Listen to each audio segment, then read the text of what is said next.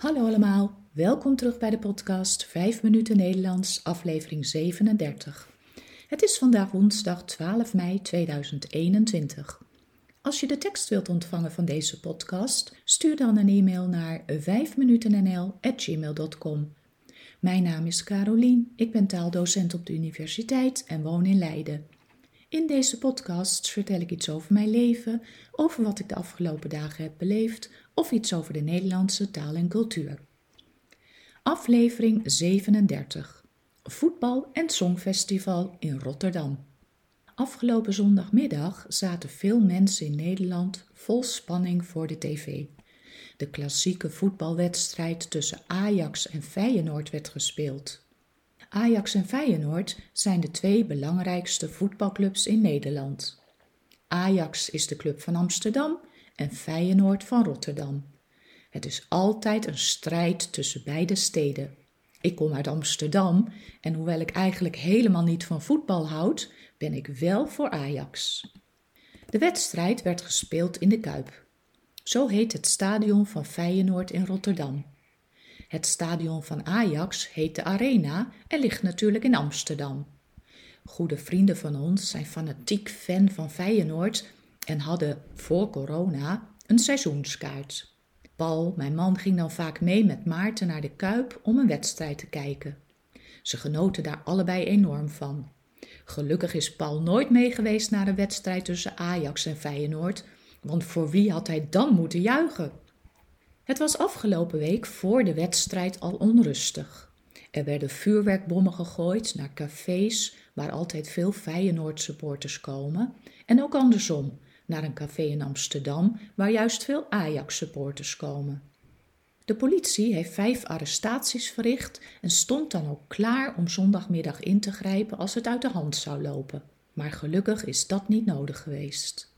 De wedstrijd is zonder publiek gespeeld en ook buiten het stadion is het rustig gebleven. De eerste helft van de wedstrijd was een beetje saai, maar vlak voor rust werd het spannend. Ajax scoorde 1-0. Zeven minuten later scoorde Feyenoord, maar het was buitenspel, dus het doelpunt telde niet. Eén speler van Ajax kreeg een rode kaart en moest het veld af. Na rust begon Feyenoord weer vol goede moed, maar dan maakt ook een van de spelers een fout. Ook een rode kaart. Het was dan 10 tegen 10 en Ajax bleek de sterkste. Ze wonnen uiteindelijk met 3-0. En nu kan Rotterdam zich opmaken voor een volgend groot evenement, het Eurovisie Songfestival. Dit had eigenlijk vorig jaar al moeten plaatsvinden, maar toen is het vanwege corona helemaal afgelast. Nu is er hard gewerkt aan een scenario om het coronaproof toch door te laten gaan. Het Songfestival begint op 18 mei en duurt tot de 22e als de finale is.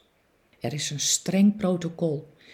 Ik heb me laten vertellen dat er een boek is van zo'n 50 pagina's met regels over mondmaskers, afstand en hygiëne. Er mogen maximaal 3500 personen per show aanwezig zijn. Dat is 20% van de capaciteit van de zaal. De bezoekers moeten een negatieve coronatest kunnen laten zien en er is zelfs een Eurovisie teststraat waar mensen die in de Ahoy werken, dat is de zaal waar het allemaal plaatsvindt, iedere 48 uur getest worden. Er doen 39 landen mee aan het Songfestival en ook de delegaties uit deze landen zijn kleiner dan normaal. Iedereen gaat bij aankomst in Nederland meteen in hun hotel en zoveel mogelijk in hun eigen bubbel leven om besmettingen te voorkomen. En mocht een artiest toch niet kunnen komen, dan is er van ieder optreden een backup video gemaakt.